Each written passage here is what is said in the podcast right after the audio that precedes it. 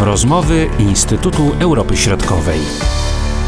Dzień dobry, witamy Państwa w podcaście Instytutu Europy Środkowej. Marcin Superczyński i Agata Tatarenko. Witam Cię serdecznie. Dziękuję za zaproszenie. Tradycyjnie można powiedzieć, wybieramy się do Czech. Tym razem będziemy rozmawiali o cyberbezpieczeństwie, o działaniach, jakie podejmują władze Republiki Czeskiej, aby właśnie chronić się, aby bronić się przed atakami hakerskimi, przed działaniami z zewnątrz, właśnie w sieci, które mogą być bardzo niebezpieczne. Jak to wygląda właśnie z, z, perspektywy Republiki Czeskiej? Czy działania przede wszystkim te na szeroką skalę zostały podjęte po pełnoskalowej agresji rosyjskiej na Ukrainę, czy może wcześniej już rozwijano właśnie tę przestrzeń defensywną. Władze Republiki Czeskiej podejmowały działania mające przeciwdziałać skutkom i ilości atakom, czy, czy w ogóle atakom, które były dokonywane w strefie cyfrowej jeszcze przed y, agresją Rosji na Ukrainę pełnoskalową w 2021 roku, y, co wynikało przede wszystkim, że Republika Czeska y, była obiektem ataków już dużo wcześniej. Ponieważ te pierwsze ataki, które, z którymi zetknęli się obywatele Republiki Czeskiej, czy też infrastruktura państwowa, systemy administracji publicznej, ale przede wszystkim służba zdrowia, to jakby były datowane, czy miały miejsce już w około 2010 roku. Chyba taki jeden z takich poważniejszych ataków, który właściwie odbił się echem nie tylko w Republice Czeskiej, ale także w całej Europie był atak, który miał miejsce w 2011 roku właśnie w Republice Czeskiej i jego obiektem były szpitale oraz e, inne instytucje zdrowia. Oczywiście po tej pełnoskalowej agresji e, Rosji na Ukrainę ilość incydentów cybernetycznych i takiej działalności cybernetycznej zwiększyła się. E, to zauważają czeskie służby monitorujące to zagadnienie. E, w związku z tym też tutaj Czesi podnoszą, podejmują kolejne kroki, które mają właśnie przeciwdziałać niebezpieczeństwom cybernetycznym. Jak państwo czeskie rozbudowuje tą informacyjną służbę bezpieczeństwa? Jak to wygląda? Czy te jakieś nowe agendy się pojawiają, które właśnie tutaj mają działać? Przede wszystkim państwo czeskie dużą rolę przywiązuje do edukacji społecznej. Y, I, I, to jest jakby taka podstawowa kwestia, która chyba została, mm, jakby była inspiracją z państw, które są y, wiodące w Europie, jeśli chodzi o bezpieczeństwo cybernetyczne. I tutaj chociażby w Finlandii czy w Szwecji też przykłada się ogromną rolę do edukacji. Y, oczywiście są pewne instytucje i właśnie te instytucje powołane przez władze Republiki Czeskiej zajmują się między innymi tą edukacją i wiodącą, edu- wiodącą instytucją w tej architekturze bezpieczeństwa cyfrowego w Republice Czeskiej jest Narodowa Agencja do Spraw Bezpieczeństwa Cybernetycznego i Informatycznego, w skrócie NUKIP. Ona także jest znana w Polsce, polskim odbiorcom, z tego powodu, że mm, agencja ta bardzo często wydaje alerty dotyczące mm, bezpieczeństw, korzystania takiego jakby zrównoważonego czy bezpiecznego korzystania z aplikacji, które są dostępne no właściwie na całym świecie.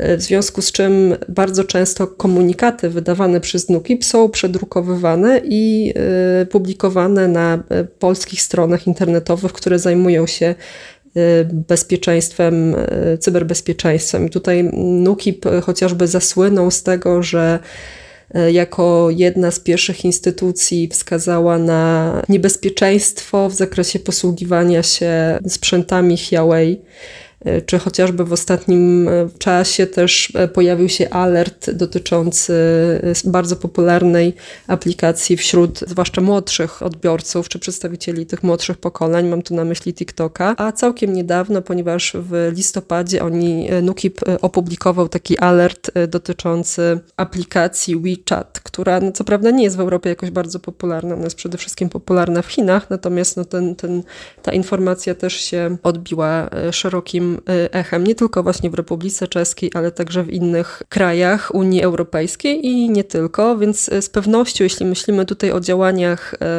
władz Republiki Czeskiej, to jest to powoływanie odpowiednich instytucji. Tutaj taką instytucją jest już wspomniana przeze mnie wielokrotnie agencja, która zajmuje się właśnie bezpieczeństwem cybernetycznym i informatycznym, ale także w wielu takich jednostkach czy w wielu takich instytucjach, organizacjach powoływane są właśnie mm, oddzielne komórki, których zadaniem jest e, właśnie cyberbezpieczeństwo i taką jednostkę ma również e, czeska armia na przykład. Jeśli wrócimy właśnie do, do działalności NUKIP, no to tu jeszcze raz podkreślę, bo to chyba e, zdaniem i władz Republiki Czeskiej, ale też i wielu specjalistów w zakresie cyberbezpieczeństwa. Jakby podstawą jest właśnie edukacja społeczeństwa i tu NUKIP, on, ta, ta agencja edukuje nie tylko Y, uczniów, studentów, y, jak moglibyśmy jakby to kojarzyć tak bezpośrednio, ale także y, funkcjonariuszy administracji publicznej. Z pewnością ci młodzi ludzie też potem trafiają do podmiotów, które zajmują się walką z cyberprzestępstwami i sami potem po prostu budują ten zasób defensywny państwa. Mm, tak, tak jak najbardziej jest, ponieważ NUKI współpracuje także z uczelniami wyższymi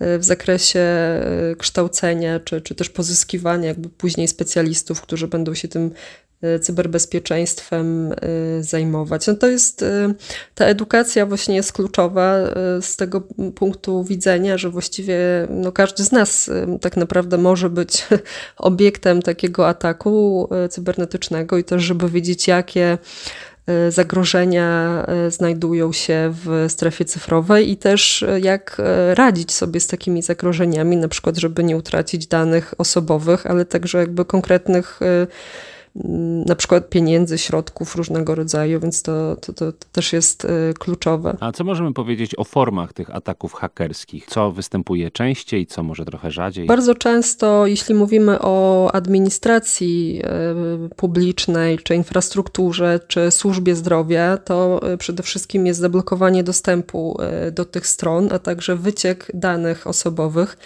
I tutaj chociażby kojarzymy zapewne wszyscy e, sytuację, która miała miejsce całkiem niedawno w Polsce i atak e, hakerski na jedną z sieci mm, laboratoriów, e, w efekcie którego wypłynęło szereg danych osobowych, bardzo wrażliwych, łącznie z numerami PESEL. I tu też może taka E, mała dygresja, dlaczego właśnie i w przypadku Republiki Czeskiej, tu jak widzimy w przypadku e, Polski, mieliśmy do czynienia z atakiem na służbę zdrowia, bo mianowicie wynika z tego, że są to obiekty, które są stosunkowo mało chronione, a zawierają szereg danych wrażliwych, jak no, oczywiście imiona, nazwiska, w przypadku Polski numer PESEL, które mogą służyć do chociażby nielegalnego udzielania y, kredytów, czyli to też są takie konsekwencje no już bardzo jakby mm, można powiedzieć y, praktyczne i, i faktycznie niebezpieczne, y, wiążące się z obciążeniem finansowym.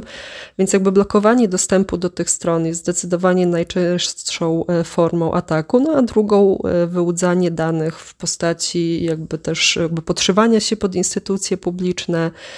Tutaj coraz bardziej wyrafinowane metody przy przestępcy y, cybernetyczni y, posiadają, także dzięki sztucznej inteligencji, która y, jest bardzo um, takim ciekawym narzędziem, no ale też jak wszyscy wiemy, może przynosić bardzo pozytywne skutki, chociażby w medycynie, no ale też negatywne w przypadku szeroko rozumianej działalności przestępczej. Można powiedzieć, że od tej problematyki nie uciekniemy i te działania właśnie mające na celu walkę z działaniami, z atakami hakerskimi będą z pewnością rozbudowywane. Czy coś y, wiadomo o tym, jak właśnie w przyszłości Czechy mogą sobie radzić y, z tym problemem? Czechy, co ciekawe, mimo tego, że zbudowały sobie na arenie międzynarodowej pozycję jednego z liderów w zakresie cyberbezpieczeństwa, czy zapewniania swoim obywatelom cyberbezpieczeństwa, podobnie jak chociażby Estonia, to ciągle w takiej debacie wewnętrznej mówi się, że za mało środków, za mało pieniędzy poświęcanych na to, na to mm, cyberbezpieczeństwo. Ja tak pesymistycznie bym e, nie patrzyła, ponieważ e, Czesi już mają szereg szczegółowych rozwiązań, jak chociażby ta Narodowa Agencja do Spraw e, Bezpieczeństwa Cybernetycznego i Informatycznego, która wydaje alerty i edukuje. Z drugiej strony, jakby wszystkich obywateli Unii Europejskiej czeka wdrożenie nowego prawa, nowej dyrektywy w sprawie środków na rzecz wysokiego poziomu cyberbezpieczeństwa na terytorium Unii Europejskiej. Jest to tak zwana dyrektywa NIS-2 i Czesi są już dość daleko, jeśli chodzi o zaawansowanie w prac nad ustawą, która ma spełniać wytyczne tej dyrektywy. E, powstała także specjalna strona internetowa, która edukuje społeczeństwo i różne podmioty, także jakby sektor prywatny, co muszą zrobić, żeby jakby dostosować się do tej e, nowej ustawy. Są tam podane e, bardzo takie praktyczne kroki, które czeskie instytucje i prywatne, i publiczne muszą wykonać, aby właśnie zapewnić cyberbezpieczeństwo.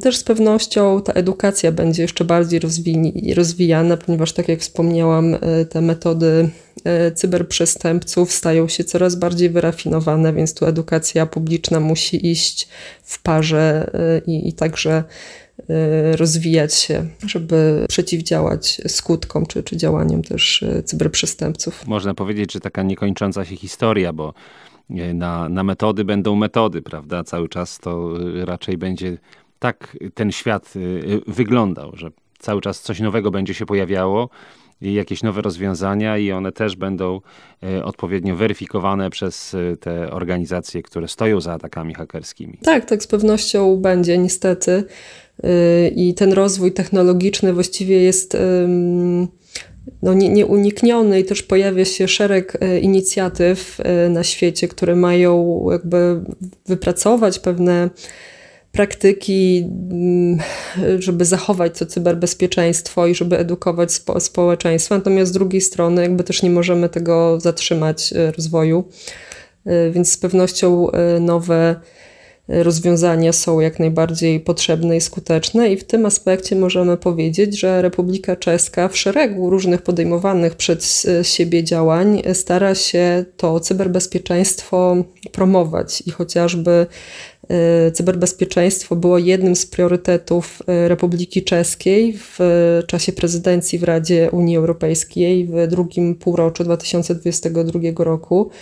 W przypadku właściwie każdej prezydencji w Grupie Wyszehradzkiej też Czesi mówią o tym, że, że właśnie zapewnienie cyberbezpieczeństwa jest takim priorytetem tych krajów, więc jakby kolejne kroki tu na takim szczeblu współpracy międzynarodowej e, też przez Republikę Czeską są podejmowane i trzeba powiedzieć, że jakby to są bardzo skuteczne środki, e, e, bardzo skuteczne działanie mm, i chociażby zostało, został wypracowany w 2019 roku taki dokument y, propozycji praskich, który był taki dość ogólny w swoim kształcie, co też wynika z, jakby z ilości osób, z ilości państw, które były zaangażowane w tworzenie tego tych propozycji. One nie mogłyby w związku z tym e, bardzo szczegółowe, ponieważ to wymagałoby konsensusu w wielu sprawach, a w przypadku takiego ogólnego zgromadzenia to właściwie jest niemożliwe. Natomiast dokument ten został odnotowany e, przez wiele różnych instytucji, organizacji, które zajmują się cyberbezpieczeństwem, no i jakby powoli ta pozycja lidera w zakresie cyberbezpieczeństwa Republiki Czeskiej była budowana i właściwie w, obecnie możemy powiedzieć, że tak jak już chyba zresztą wspominałem wcześniej, że Czechy stają się takim liderem e, nie tylko w regionie Europy Środkowej, o którym najczęściej rozmawiamy w naszych podcastach, ale też w takiej bardzo szerokiej światowej perspektywie. Kolejny element, który wyróżnia naszą część Europy, a na pewno wyróżnia Republikę Czeską. Bardzo dziękuję za ten komentarz. Agata Tata Matarenko. Do usłyszenia, do zobaczenia. Bardzo dziękuję za rozmowę. Były to rozmowy Instytutu Europy Środkowej.